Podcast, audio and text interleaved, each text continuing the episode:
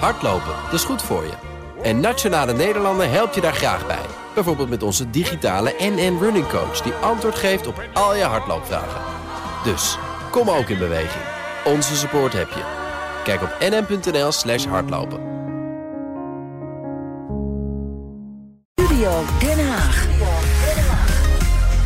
Mark Rutte, Wopke Hoekstra, Edith Schippers, Janine Hennis. Ja, het zijn er maar een aantal, maar ze bedanken allemaal voor de eer.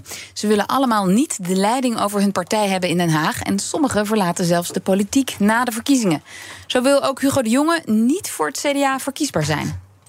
Weet je, het is niet, uh, het is niet logisch dat ik daar nu weer voor zou kiezen. Nee, vind ik van niet. Nee.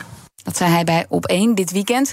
En ook uh, oud-VVD-prominent Klaas Dijkhoff is niet warm te krijgen om terug te komen om zijn oude partij te leiden. Het beeld dat ik heb als mens, hoe ik vader wil zijn, hoe ik een echtgenoot wil zijn, hoe ik mijn leven wil leiden en hoe ik ook ambities in mijn werk heb. Die, op al die vlakken moet ik heel veel ambities op die andere vlakken opofferen als ik alles inzet op de politiek. Ik vind voor mij persoonlijk hoe ik uh, uh, bijvoorbeeld vader wil zijn, niet combineren met het beeld dat ik heb dat een premier zou moeten leveren. Tja, is het een brain drain waarmee waardevolle dossierkennis verloren gaat? Of maken de verlaters juist plek voor fris bloed en een nieuwe blik op de belangrijkste Nederlandse kwesties? Dat bespreken we met Binnenhof-watcher en journalist Chris Alberts en oud-Kamerlid Ronald van Raak, die 15 jaar voor de SP in de Tweede Kamer zat. Goedemiddag allebei. Goedemiddag. Ja, goedemiddag. Ronald van Raak, uh, je hoort altijd Kamerleden en bewindslieden zeggen: Dit is de mooiste en eervolste baan van het land. Maar ja, de afgelopen dagen lijkt dat opeens ja, heel anders. Waarom wil niemand uh, die taak op zich nemen?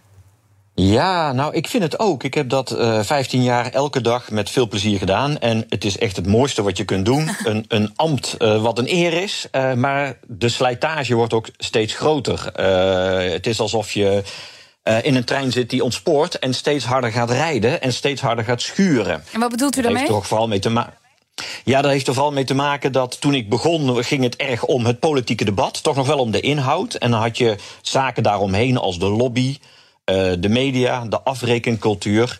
En dat is eigenlijk omgeslagen. De parlementaire democratie is toch erg een mediademocratie geworden. En in plaats van dat in de media verslag wordt gedaan van de debatten in het parlement, zie je dat de debatten vooral plaatsvinden in de media en wordt nagepraat in het parlement.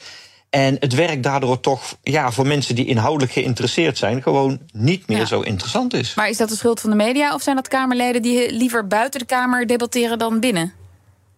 Nou, het is ook een, dit is niet de schuld van de media. Als het de schuld is van iemand, dan is het van die Kamerleden zelf. Maar het is ook de geest van de tijd. Hè. We komen met een hele neoliberale tijd. Politiek als management. En Kamerleden die als een soort kleine ondernemers moesten gaan scoren in de media. Mm -hmm. En dat heeft de afgelopen 25, 35 jaar de politiek heel erg gekleurd. Ja.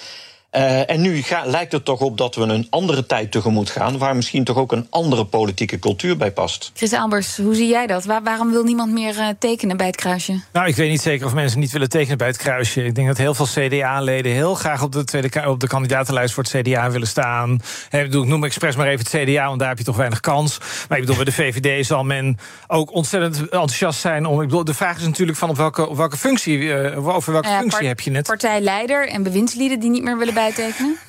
Ja, maar die mensen hebben natuurlijk ook de eer al gehad, hè, zou ik zeggen. Dus ik bedoel, kijk, meneer De Jonge die heeft twee keer uh, heel prominent in de media... In, in, op, alle, op alle podia mogen staan. Heeft, heeft enormste invloed kunnen, kunnen aanwenden. Je kunt je natuurlijk afvragen of meneer De Jonge nog iets te winnen heeft... bij nog een keer, uh, nog een, keer nou ja, een die, periode. Die, die 900.000 woningen realiseren?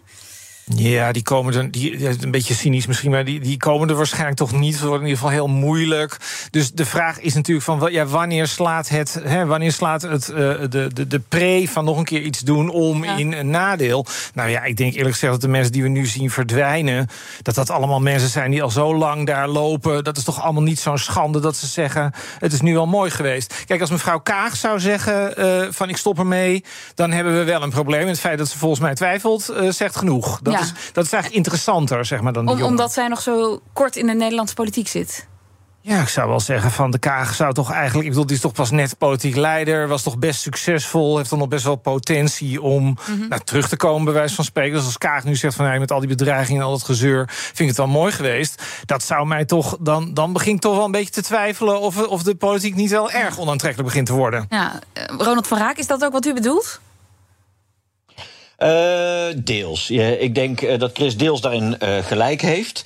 Um, maar je, je ziet dat in, in de wetenschap noemen we dat een paradigmawisseling. Dat er een andere manier van kijken komt. Andere theorieën, een andere manier van discussiëren. En dat, daar heb je meestal een generatiewisseling voor nodig. En in de politiek denk ik dat je dat nu ook ziet. De afgelopen decennia zijn heel erg neoliberaal geweest. De politiek is op zoek naar wat anders. Na de vorige verkiezingen werd al gezegd: het moet anders. We moeten een andere politieke cultuur hebben. We moeten ja, nieuwe ideeën en visies gaan werken. Ja, alleen dat gebeurde dus wel met dezelfde mensen. Met Rutte, met Hoekstra, met Kaag, met Segers. Dus misschien is dit ook wel weer een echo van uh, 2021. En is het nu tijd aan een uh, nieuwe generatie. Waarbij wel moet worden opgemerkt dat het wel heel spannend wordt. Omdat het gaat over en de VVD en het CDA. Misschien ook wel D66.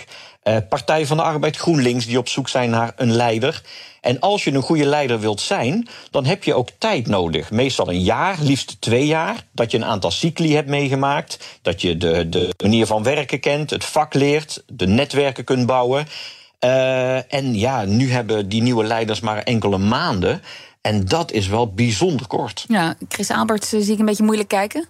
Ja, dat, ik denk altijd, je moet uh, één periode in de Kamer zitten ongeveer. En dan eigenlijk ook nog een hele periode. Die hebben we natuurlijk nu niet gehad. Dus de volle vier jaar? Ja, en dan zou je kunnen denken... Ik bedoel, dat zeggen mensen overigens achteraf. Hè? Dus dat zeggen ze zelf. Ze van, nou, de eerste vier jaar ben je eigenlijk aan het inwerken... en dan begin je een beetje te begrijpen hoe het werkt. Nou, we kunnen gewoon op de website van de Tweede Kamer kijken. Op dit moment zijn er 69 Kamerleden... die langer dan vier jaar in de Kamer zitten. Dus tel uit je winst.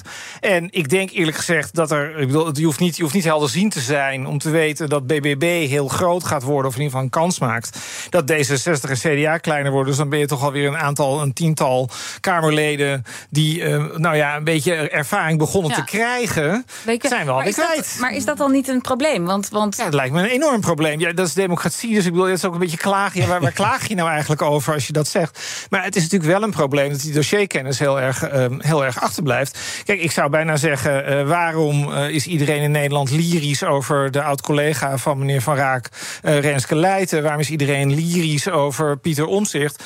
Dat is niet omdat we het hele met z'n eens zijn, maar omdat we gewoon denken van nou, dat zijn gewoon te zakenkundige mensen. Die zitten er al heel lang en die weten gewoon waar ze het over hebben. Maar, maar Chris, kan, kan het ook niet zo zijn dat BBB of misschien Omtzigt, als hij een eigen lijst start, dat hij juist die lijst ook weer maakt met oud-Kamerleden. Die, die, eh, die bijvoorbeeld van andere partijen weg Ja, dat wordt heel interessant als dat gaat gebeuren. Uh, het zou natuurlijk kunnen zijn... er is natuurlijk een enorm contingent aan uh, CDA'ers... die niet uh, in aanmerking komen om voor het CDA in de Kamer te komen.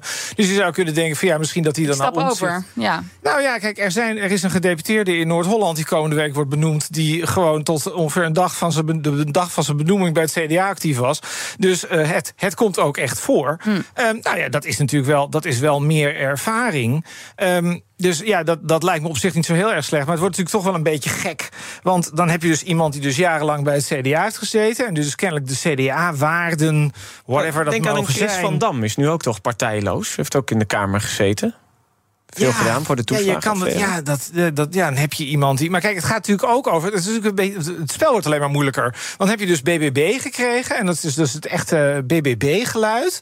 En dat wordt dan deels opgevuld door mensen die van het CDA komen. En tot een maar dat gebeurt nu toch ook al in de provincie? Maar, maar dat, ja, maar in de provincie kijken, hebben we er geen schijnwerper op. Dus dat is nog wel een verschil. Maar Ronald van Raak, uh, u sprak net over die paradigmawisseling. Hè. Er, er moet gewoon een nieuwe visie komen op de werkelijkheid.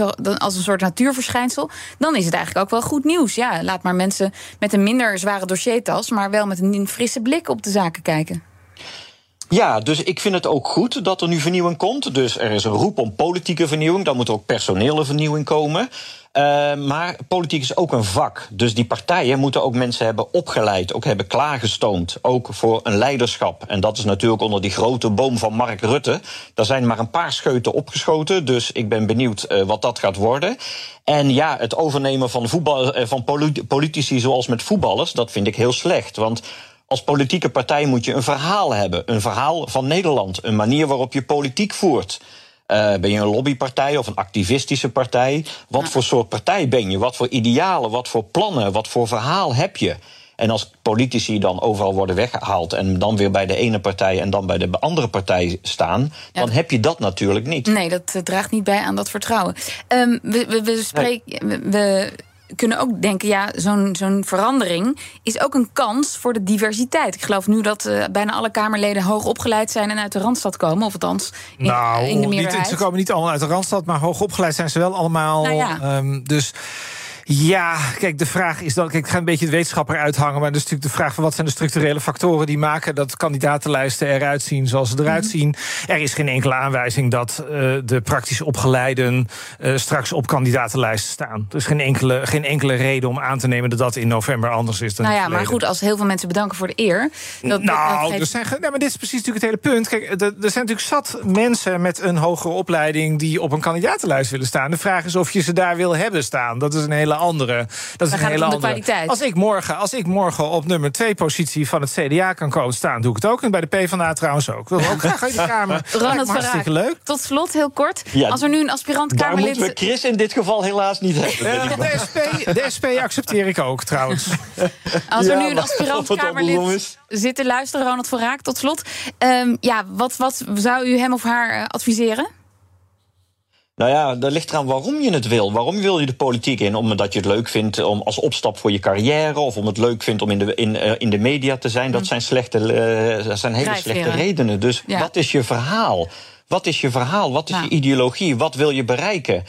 En dat is natuurlijk ook een taak van politieke partijen. En bijvoorbeeld zo'n partij als Partij van de Arbeid en GroenLinks, zo'n nieuwe combinatie, die moeten ook op zoek gaan naar een naar alternatief voor het neoliberalisme, ja. naar dat verhaal. Ja. En dat staat bij dit, dit soort partijen natuurlijk nog wel in de kinderschoenen. Hier moeten we het bij laten. Dank jullie wel, Ronald van Raak en Chris Alberts.